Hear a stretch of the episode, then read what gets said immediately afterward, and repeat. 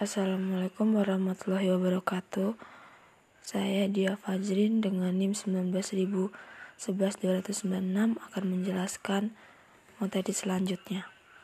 Keputusan buat atau beli adalah keputusan strategi antara memproduksi sebuah item secara internal atau in-house atau membeli dari eksternal. Sebagai contoh, pedagang grosir atau retail membeli semua yang dijualnya kegiatan manufaktur sangat jarang dilakukan. Perusahaan manufacturing, restoran, dan perusahaan perakit produk membeli komponen dan menyusunnya hingga menjadi produk akhir.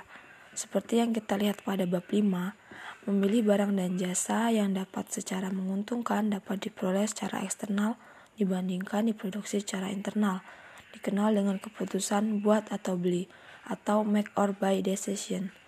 Personel rantai pasokan mengevaluasi alternatif pemasok dan menyediakan data relevan, terbaru, akurat, dan lengkap bagi alternatif pembeli.